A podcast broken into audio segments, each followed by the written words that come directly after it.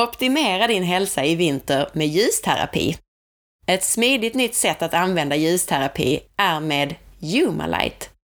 Ljusterapi från en liten skärm som du har på dig medan du gör dig i ordning på morgonen. På zenbev.se får du ett paket med både Humalight, Zenbev och en sovmask för 599 kronor.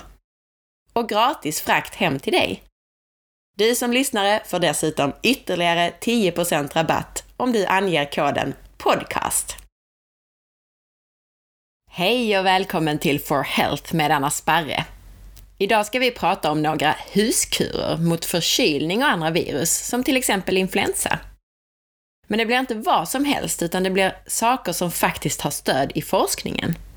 Det blir vitaminer, mineraler, örter och annat spännande. Men först tänkte jag informera dig om intensivkurserna som jag håller för företag respektive grupper med privatpersoner.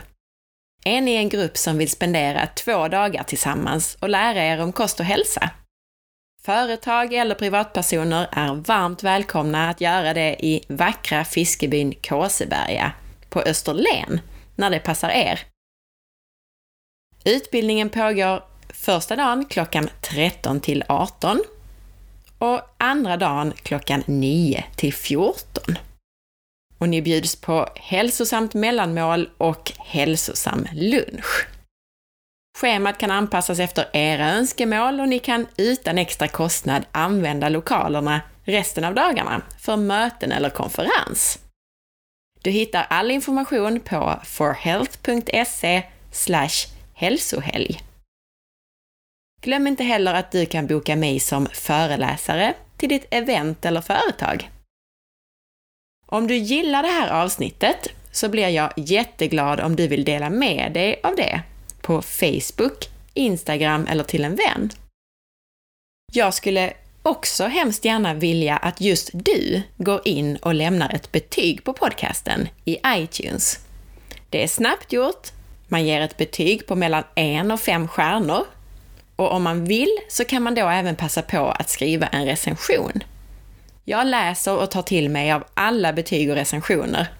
Betygen och feedbacken hjälper både mig att veta om jag är på rätt väg och det hjälper till att hålla podcasten levande i iTunes och podcastappar. En av de senaste recensionerna är från Julia J1 som skriver “Så bra! Älskar denna podcast! Roliga och intressanta ämnen. Sex tummar upp av fem möjliga. tack Julia och stort tack på förhand till alla er lyssnare. Om du är nyfiken efter avsnittet idag så hittar du mer information på forhealth.se. Så här i influensa och förkylningstider så tänkte jag att det kan vara på sin plats att prata om saker som faktiskt funkar mot virus. Men jag ska börja med att rata influensavaccin. Jag citerar ur en artikel som jag skrev om på forhealth.se. Influensavaccinen baseras på rena prognoser och vissa år är det nästintill verkningslöst. Varje år görs nya vaccin utifrån en prognos om vilka virus man tror kommer dominera säsongens influensa. Men hur bra vaccinet kommer skydda är svårt att förutspå och i vissa fall är det nästintill effektlöst.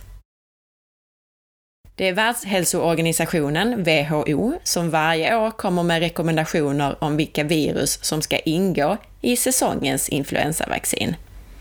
Organisationen samlar in data över vilka virus som dominerade förra årets säsong i olika delar av världen. Men prognosen slår inte alltid rätt. Rekommendationerna inför förra årets influensasäsong visade sig vara dåliga. När man jämförde det virus som fanns i vaccinet och det som fanns ute i samhället i början av 2015 så var det ganska stora skillnader. Men det är inte bara rekommendationerna som kan slå fel. I vissa fall har det virus som dominerar vid influensan dessutom ändrat utseende så att vaccinet inte längre är lika verksamt, trots att man kunnat förutspå typen av virus. Media larmade så sent som i år om att förra säsongens influensavaccin kan ge betydligt sämre skydd än vanligt. Brittiska hälsomyndigheten sa att vaccinet bara skyddar en bråkdel av de som vaccinerats. De fann att den influensa som allra flest människor insjuknar i inte alls påminner om det influensavirus som vaccinet innehåller. De analyserade saliv från 2300 influensasmittade personer och det var mycket få som hade fått ett fullständigt skydd mot den dominerande virusstammen. Jag vill också kommentera lite kring det här med influensavaccin och, och vaccinationer överlag, för debatten om vaccination har delat samhället i för eller emot vaccinationer överlag. Jag är inte expert på något sätt, men jag tror personligen att vi i ett modernt samhälle, där vi är bofasta och bor nära in på varandra, behöver vaccin mot en del allvarliga sjukdomar. En del. Jag tror dock inte på att vaccinera sig mot till exempel säsongsinfluensa, där vi behöver bygga upp ett skydd. Vad kan man göra istället då? Jo, det kommer vi till nu. Jag måste börja med att säga att det allra viktigaste för att förebygga en förkylning är att äta näringstät mat. Det är inte normalt att bli förkyld ett par gånger per år. Och du behöver vitaminer, mineraler, fettsyror, antioxidanter och proteiner för att underhålla ditt immunförsvar. Och varje gång du överöser kroppen med en påfrestning i form av mycket kolhydrater som mjöl och socker, som ger ett högt blodsocker, så sänker du ditt immunförsvar, ibland i flera timmar. En sån påfrestning för kroppen gör att kroppen sänker funktioner som inte är akuta just för tillfället, som till exempel immunförsvaret. Dessutom så får du inte någon näring med den maten, så det är en påfrestning i dubbel bemärkelse. Men låt oss titta på specifika saker som kan hjälpa antingen för att förebygga virus, som förkylningar och influensa, eller att bota dig när du väl har drabbats. Vi börjar med D-vitamin. D-vitamin är viktigt för immunförsvaret, så har man brist så är det ingen höjdare om man vill stå emot förkylnings och influensavirus. Och just D-vitaminbrist är väldigt vanligt hos oss här uppe i norr. Särskilt på vintern och om man är dålig på att vara utomhus. En studie som utfördes i Japan för några år sedan visade att tillskott av vitamin D skyddar mot säsongsinfluensan. Och det här var en bra blindstudie, inte någon enkätstudie eller liknande. Och studien visade att bara cirka hälften så många i gruppen som fick D-vitamin jämfört med gruppen som fick placebo drabbades av influensa. Och om man uteslöt de som redan innan studien hade tagit vitamin D så var resultatet ännu bättre. Risken att få influensa minskade till en tredjedel jämfört med om de inte skulle ha tagit tillskott av vitamin D. I studien så deltog skolbarn och den dagliga dosen var 1200 IU, alltså International Units, av vitamin D under tre månader. Den japanska läkaren som ledde studien, han sa i en intervju till The Times att vitamin D är mer effektivt än vaccinering för att förebygga influensa. Och antivirusmedicinering, alltså läkemedel mot virus, det reducerar bara risken att drabbas av virus om man då har exponerats för virus, med 8% Så D-vitamin verkar vara en riktig höjdare jämfört med de här andra alternativen som finns. Och vitamin D är viktigt för att reglera immunförsvaret och kan fungera både mot mikrober, virus, bakterier, svampar, parasiter och för att förhindra för mycket inflammation. D-vitamin kan även stimulera bildandet av peptider som funkar som antibiotika i själva vita blodkropparna. Bland annat för de som finns i våra andningsvägar och därmed så kan det skydda mot att eh, er förkylning blir lunginflammation. D-vitamin, som egentligen är ett hormon, det bildas i huden när du utsätts för solljus. Och du behöver också kolesterol för att kunna bilda D-vitamin i huden. En liten mängd D-vitamin kan du hitta i feta livsmedel som ägg och fet fisk. Jag rekommenderar dig som vill stå emot virusen i vinter och vår att äta D-vitamintillskott i förebyggande syfte. Men som sagt så är D-vitamin ett hormon, så jag tror inte på överdrivna doser. Väldigt höga hormonnivåer är lika illa som för låga. Bland annat så reagerar kroppen med att bli resistent mot hormonet genom att packa undan receptorerna för hormonet. Jag rekommenderar inte heller tillskott av D-vitamin under sommarhalvåret eller på utlandsresan, utan bara under de mörka vintermånaderna. En bra ljus och mörkercykel varje dygn kan potentiellt också vara viktigt för D-vitaminens receptorer. Alltså för att vi ska kunna dra nytta av det D-vitamin som vi stoppar i oss. Så det är också bra att tänka på att ni utsätts för mycket ljus på dagen och riktigt mörker på natten. Och är du mer intresserad av just det här med ljus och mörkercykeln så rekommenderar jag dig att lyssna på avsnitt 65 där vi pratar om just det. Ytterligare ett vitamin är C-vitamin. När kroppen är stressad, som den faktiskt är vid en infektion, så använder den mer C-vitamin. Så C-vitamintillskott kan verkligen vara på sin plats vid en förkylning. C-vitamin är en antioxidant som också har en immunstärkande funktion och verkar hämmande på virus. Och C-vitamin har visat sig kunna minska tiden som förkylningar pågår och förbättra återhämtningen från influensa. Vill man inte använda sig av kosttillskott så finns C-vitamin rikligt i färgglada frukter, grönsaker och bär, till exempel i vinbär, persilja, broccoli och citrusfrukter. Dessutom så finns det i inälvsmat.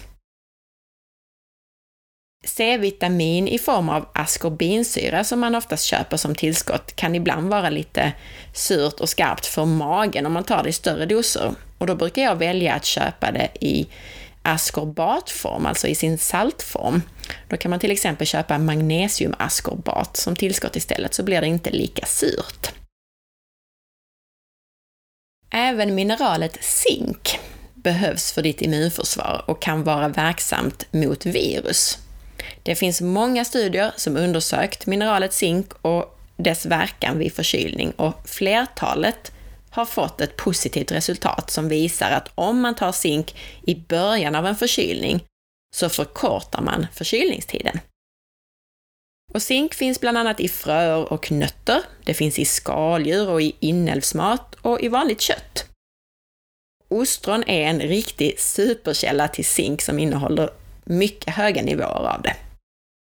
Själv så brukar jag ta zinktillskott i kombination med C-vitamin om jag känner att jag har en förkylning på gång. Du som lyssnade på intervjun med läkaren Peter i avsnitt 66 vet att vita prickar på naglarna kan vara ett tecken på zinkbrist. Så inte minst då så kanske du ska boosta immunförsvaret med zink och zinkinnehållande mat. Många och delvis okända är alla de fytokemikalier, fytonäringsämnen alltså, som finns i olika växter. Många växter har använts traditionellt som medicinalväxter utan att man egentligen vetat exakt varför det har funkat. Vi ska prata om några av de ämnen som vi vet lite mer av i våra växter och som verkar kunna fungera mot just förkylningsvirus. I vitlök så finns flera olika aktiva ämnen, så kallade tiosulfonater, som skyddar mot mikrober som bakterier och virus. Det viktigaste ämnet för detta är allicin. Men för att vitlöken ska bli verksam så måste den krossas och finfördelas. Allicinet, det vitlöksdoftande och verksamma ämnet, bildas nämligen först när det luktlösa allinet kommer i kontakt med enzymet allinas. Alltså det finns ett ämne som inte luktar i vitlök som heter alin och när det kommer i kontakt med ett enzym som heter alinas så sker det en reaktion och så bildas det här verksamma alicinet. Och reaktionen sker när vitlökens celler skadas. Skivar du vitlöken så krossas få celler och därmed så reagerar ganska lite av alinet med alinas. Ju finare du hackar, desto fler celler förstörs och mer allicin bildas. Just därför så bör vitlök pressas för att få ut mest allicin och därmed även mest smak och mest sånt här antimikrobiellt ämne. Dessutom så förstörs enzymet alinas av upphettning, så vitlöken måste pressas innan tillagning för att allicin ska hinna bildas. Och vitlöken har alltså störst effekt rå, till exempel i vitlökssmör. Vill man tillaga vitlöken så är det bra att låta den stå i 5-10 minuter efter att man har pressat eller hackat den för att mer allicin ska hinna bildas. Mer sånt här verksamt ämne. Det finns också studier som tyder på att om man äter tillskott av vitlök, alltså i kapselform, så får man färre och kortare förkylningar. Jag föredrar själv the real deal. Bäst för hälsan blir det alltså om den är pressad, mortlad och rå. Så ös på med vitlökssmör och ingen köttfärsrätt blir ju god utan mycket vitlök. Så mycket vitlök både i förebyggande syfte och om du drabbas av en förkylning eller influensa. Ingefära är antiinflammatorisk men sägs också kunna hämma virus och bakterier. Vare sig den hjälper mot viruset eller inte så tycker jag att den hjälper bra mot svullen hals och halsont. Så gör en kopp te om du är förkyld och hacka ner ingefära. Det känns toppen i halsen. Capsaicin är det ämne som ger chili dess starka smak. Capsaicin är ett fettlösligt, färglöst, doftlöst och vaxigt ämne. Chiliväxterna har troligen utvecklat det här ämnet som skydd mot växtätande djur och angrepp från svampar och andra mikroorganismer. Och därmed så borde det alltså också kunna ta död på förkylningsvirus. Salvia, det är en lättodlad ört som många har i trädgården. Och även om den har börjat sloka lite så har jag kvar massor med salvia i min trädgård fastän det är december och vinter nu. Salvian har många effekter, men framförallt så är den antiseptisk och verkar virus-, bakterie och svamphämmande. Och den kan därför vara bra att tugga på till exempel vid halsinfektioner. Om din förkylning sätter sig på halsen till exempel. Många av våra vanliga örter har en antiseptisk effekt. Förutom salvia så bland annat timjan och rosmarin. Så örter överlag är en riktig höjdare. Mitt tips är att använda mildare örter som sallad. Odla persilja, dill, basilika, libsticka, gräslök och annat som inte är superstarkt i smaken och klipp ner till en mindre sallad. De här mörkgröna nyttigheterna blir supergoda, särskilt med lite olja och vinäger på. Och de är dessutom, om du odlat själv, obesprutade, närodlade och så fulla av nyttigheter så de håller på att spricka. Vi har folsyra for one i dem och vi har C-vitamin till exempel. Mineraler från marken och annat nyttigt. Det är bara att blanda och ösa på. Och en liten sallad av det här innehåller långt mycket mer nyttigheter än en stor isbergssallad till exempel. Och man kan även använda mindre mängder av det som jag refererar till som starkare örter, som oregano, timjan, salvia med mera. Testa själv och boosta kroppen med nyttigheter. Nästa huskur mot förkylning och influensa är sömn. Det är sedan länge visat i studier att man lättare drabbas av infektion vid sömnbrist. Ny forskning visar samma sak, att människor som sover för lite får en ökad risk att drabbas av förkylning. I de äldre studierna så har ganska subjektiva mått på sömn använts. I den nya studien så använder man särskilda armband som mäter ett antal olika faktorer på ett objektivt sätt, kombinerat med sömndagböcker, för att exakt kunna mäta sömnen. Efter att man mätt sömnen i sju dagar så utsattes de 164 deltagarna i studien för förkylningsvirus under kontrollerade former.